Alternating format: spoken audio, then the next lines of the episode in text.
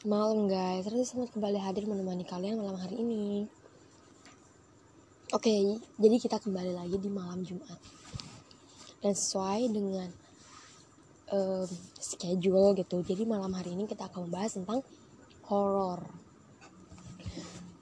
Tapi sebelumnya, kalian pernah nggak sih bercermin gitu? Iya bercermin gitu. Ya pasti itu kayak udah kegiatan yang lumrah lah kalian lakukan gitu kan. Bercermin pada setiap harinya. Ya lumrah banget kayaknya. Tapi pernah nggak sih kalian tuh kebayang?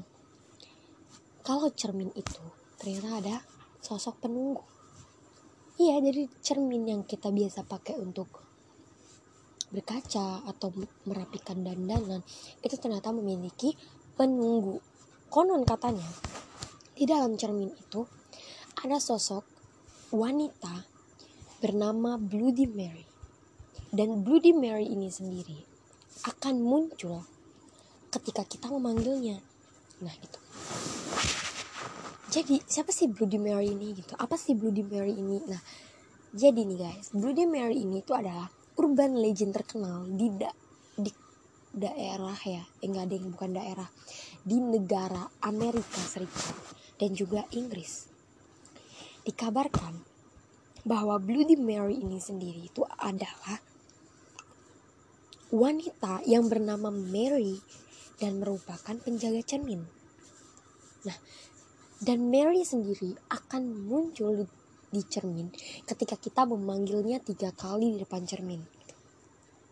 Dan sosok dari Mary ini sendiri konon katanya sangat seram. Ya katanya dengan rambut panjangnya, mata yang melotot, dan juga wajah yang penuh dengan darah. Itu sih katanya ya guys, tapi kita nggak tahu. Uh, jangan coba-coba juga sih. Katanya juga Mary ini nggak cukup dengan menampakkan dirinya doang gitu. Katanya Mary sendiri akan mengintai korban kayak dia tuh kayak menarget gitu ya siapa pun yang memanggil dia gitu kayak semacam dia tuh balas dendam atau mungkin bisa dikatakan kayak kutukan gitu jadi konon katanya Mary ini akan mencongkel atau mencabut mata dari pemanggilnya setelah itu dia akan mencakar-cakar wajah dan juga tubuh dari pemanggilnya ini.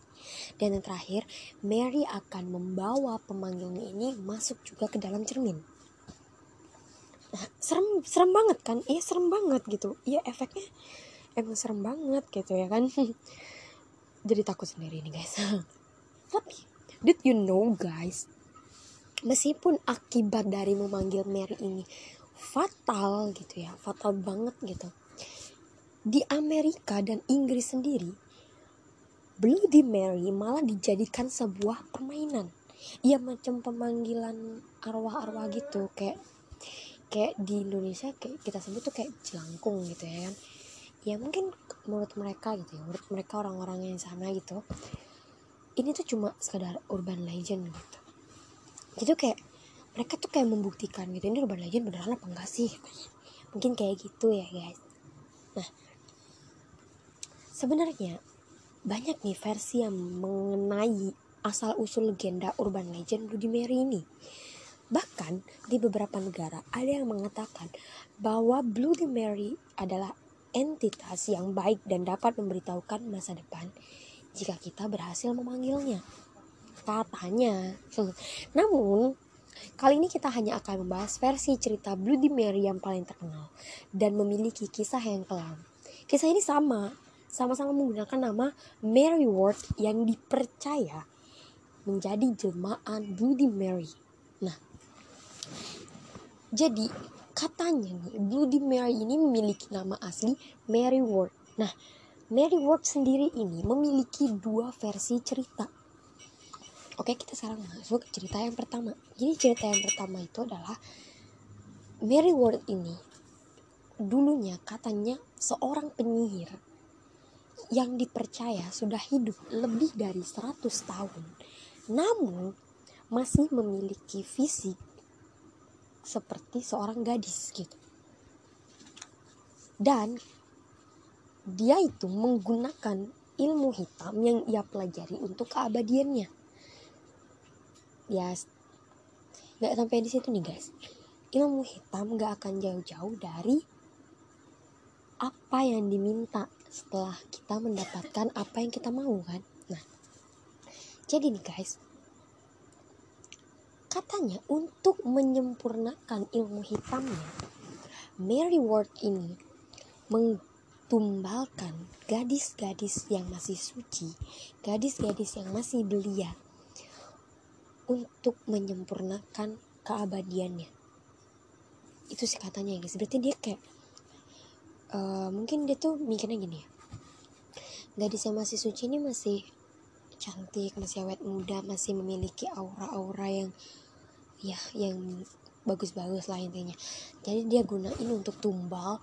Jadi kayak dia itu menghisap uh, aura dari gadis ini. Kayak cerita itu Snow White gitu loh. Kayak cerita Snow White yang versi nyatanya gitu ya kan. Kayak yang pernah ya mungkin kalian pernah nonton film Snow White yang film luar negeri itu kan bukan yang Disney itu. Itu mungkin mirip seperti itu ya guys tapi Bloody Mary ini juga uh, maaf, maaf, maaf bukan Bloody Mary. Mary Ward ini juga memiliki kelemahan. Katanya kelemahan dari Mary Ward sendiri adalah saat bulan purnama penuh. Nah katanya nih guys saat bulan purnama penuh kekuatan ilmu hitamnya akan menghilang. Dan dia akan kembali ke dalam wujud wanita tua. Itu kelemahannya. Nah Kelemahannya ini ternyata diketahui oleh warga setempat yang emang berencana ingin menghabisi si Mary Ward sendiri gitu. Akhirnya saat malam bulan purnama, Mary Ward dihakimi oleh warga dengan cara dirajam dengan batu, lalu dibakar hidup-hidup hingga tubuhnya hangus. Tapi warga setempat percaya bahwa Mary Ward ini tidak mati begitu saja.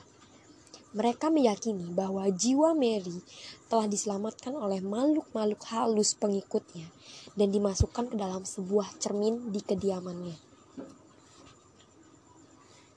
Jadi kayak semacam dia dibawa pindah gitu sama makhluk-makhluk halusnya ke dalam cermin di rumahnya dan dia mengutuk siapa pun yang memanggilnya.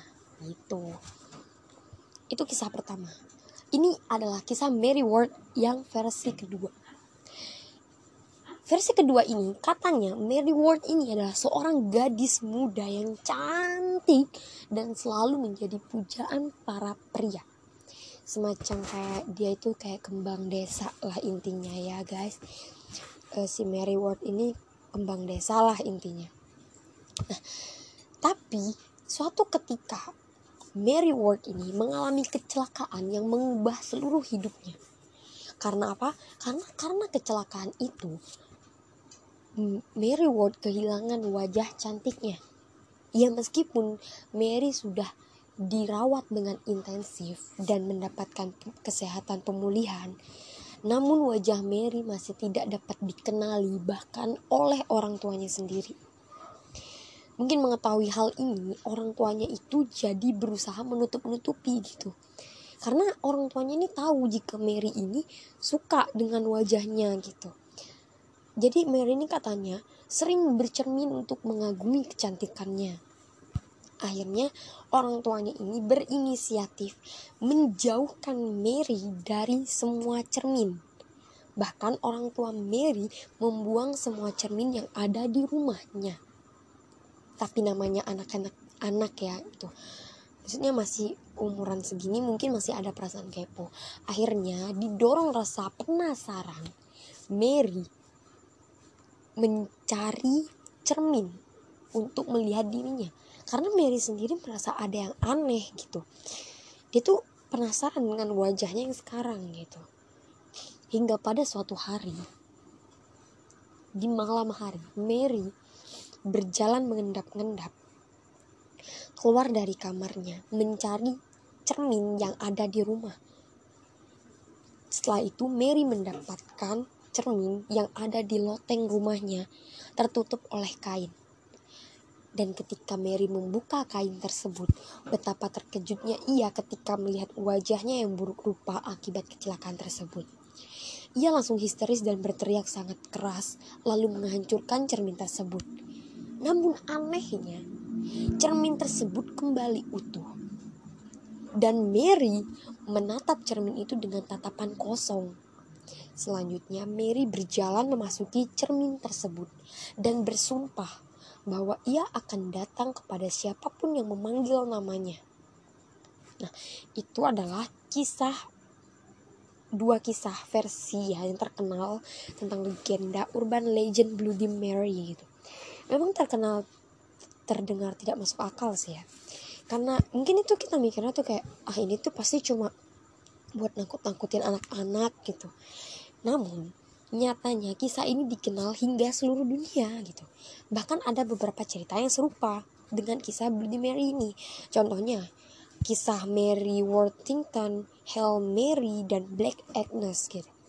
Itu kisah-kisah tentang Bloody Mary yang hampir sama lah intinya dengan Bloody Mary.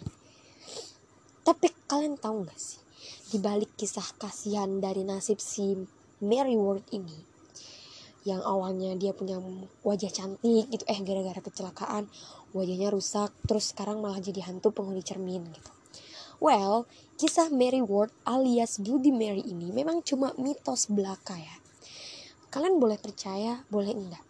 Tapi tahukah enggak kalian ini bahwa di kehidupan nyata pernah ada wanita yang mendapat julukan Bloody Mary.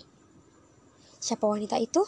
Wanita itu bernama Mary Tudor. Mary Tudor atau Ratu Inggris pertama. Ya, jadi ada kisah nyata ya seorang wanita yang memang dijuluki sebagai sosok Bloody Mary gitu. Jadi wanita ini mendapat julukan Bloody Mary gitu guys.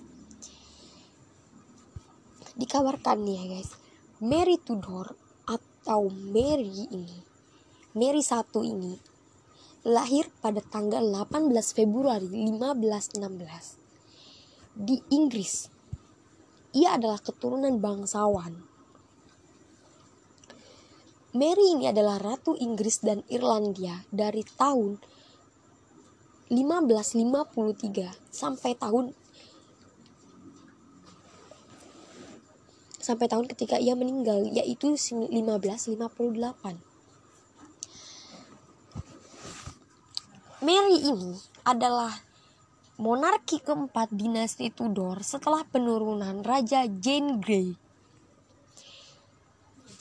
Mary adalah anak dari pasangan Henry ke-8, Raja Inggris, dan Catherine dari Aragon.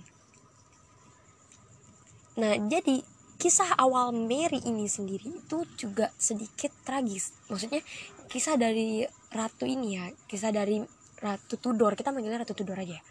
Jadi kisah dari Ratu Tudor ini katanya sedikit tragis emang guys. Katanya dulu saat masih kecil Mary Tudor atau Ratu Inggris ini dia itu katanya unwanted child jadi kayak orang tuanya dari Tudor sendiri itu lebih tepatnya ayahnya itu tidak menginginkan seorang anak perempuan karena ayahnya kan seorang bangsawan, seorang raja. Jadi si ayahnya ini menginginkan anak laki-laki untuk penerus tahta kerajaannya. Nah, Suatu hari, ibu dan ayah Tudor memutuskan untuk bercerai. Lalu, ayahnya menikah lagi dan punya anak laki-laki dari ibu tirinya, si Mary Tudor ini. Gitu. Gimana nasibnya si Mary Tudor ini? Ya semakin kasihan. Mary sudah tidak dianggap anak oleh ayahnya. Sampai akhirnya ketika Mary menjadi pemimpin, ia menjadi pemimpin yang sangat amat kejam dan keras. Bagaimana kekerasannya? Jadi ketika Mary Tudor atau Ratu Inggris ini memerintah pada tahun 1550-an, ia terkenal kejam kepada rakyatnya. Ia suka memaksakan kehendaknya terhadap rakyat dan rakyatnya wajib mematuhi semua aturannya. Jadi gimana nih kalau ada rakyat yang membangkang gitu? ya si Mary Tudor ini nggak segan-segan menghukum mereka dengan cara yang super seram. Apa caranya gitu? Jadi si Mary ini udah nggak mikir dua kali lagi, langsung aja itu ditariknya itu rakyatnya dibakar hidup-hidup sama Mary Tudor ini. Ya karena Mary ini emang tegaan orangnya gitu. Ya mungkin karena masa kecil Mary ini emang udah seperti itu ya guys. Sudah kayak anggapan kita sekarang mengenal dengan kata broken home gitu ya. Apalagi Mary ini unwanted child jadi anak yang nggak diharapkan gitu ya kan. Nah sebelumnya itu Mary ini adalah ratu Inggris dan ratu Irlandia. Wow keren juga kan? Ratu guys. Ia adalah permaisuri dari raja Spanyol. Bernama Philip. Nah Philip ini raja Spanyol ya guys. Nah si Mary ini karena kejam banget. Akhirnya si Mary ini dijulukilah oleh orang-orang Bloody Mary versi kisah nyata gitu. Jadi Mary Tudor atau Mary satu Ratu Inggris ini itu dijuluki sebagai Bloody Mary versi nyata gitu. dan Mary Tudor meninggal pada tanggal 16 Januari eh salah Mary Tudor meninggal pada tanggal 17 November 1558 dan dimakamkan di Westminster Abbey London pada tanggal 14 Desember 1558 itu kisah dari Mary Tudor sendiri gitu. Lantas gimana sih ritual ritual memanggilnya itu? Nggak uh, tahu pasti ya guys. Cuma dikabarkan cara memanggilnya itu menurut sejarah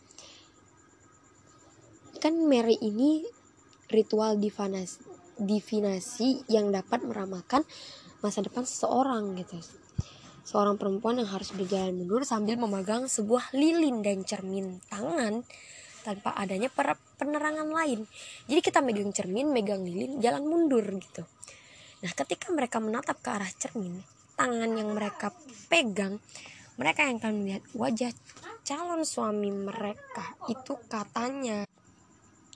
Itu sih katanya ya guys. Seperti itulah intinya. Jadi kita megang cermin, terus megang lilin, kita jalan mundur gitu. Nah, katanya kita ini bisa melihat wajah calon suami gitu. Waduh, keren banget gitu ya. Namun, apabila ternyata mereka akan meninggal sebelum mereka sempat menikah, maka yang akan mereka lihat di cermin itu adalah sebuah tengkorak yang melambangkan kematian gitu. Jadi kayak mereka nih kayak meramalkan gitu ya, Meram, bukan meramalkan sih, kayak mengabarkan gitu ya. Lucu juga sih.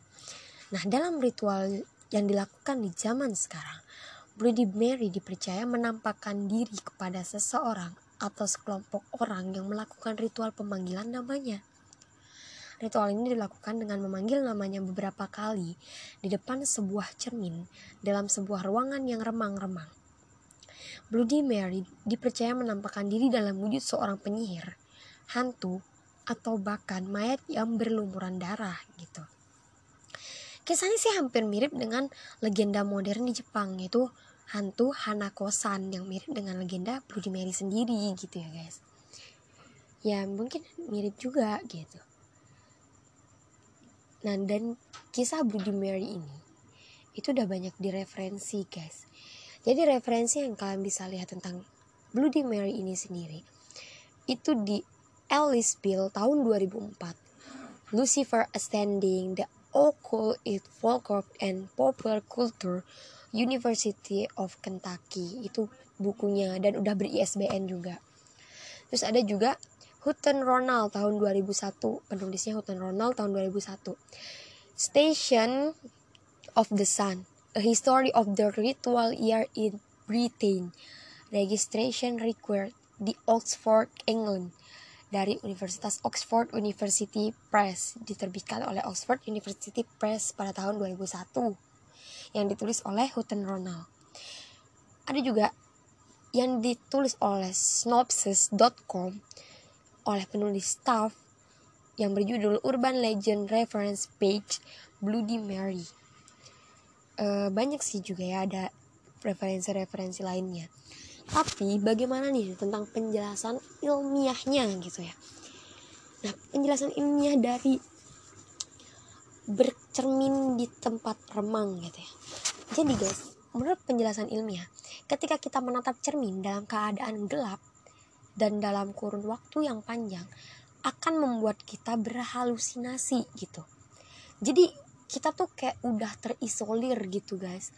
Karena fungsi otak dalam mengenali wajah itu macet. Oke guys ada sedikit ada sedikit gini ya guys. Iklan. Biasa iklan tetangga gitu ya. Yang pun tetangganya julid banget gitu ya. Jadi guys katanya ketika kita melihat cermin dalam keadaan gelap menurut penjelasan ilmiahnya kerja otak kita itu akan macet dalam mengenali wajah sehingga kita akan berhalusinasi melihat wajah yang terdistorsi terus distorsi meleleh menghilang berputar atau memperlihatkan elemen halusinasi lainnya gitu. Misalnya nih berubah menjadi hewan atau muka kita tuh kayak aneh gitu guys.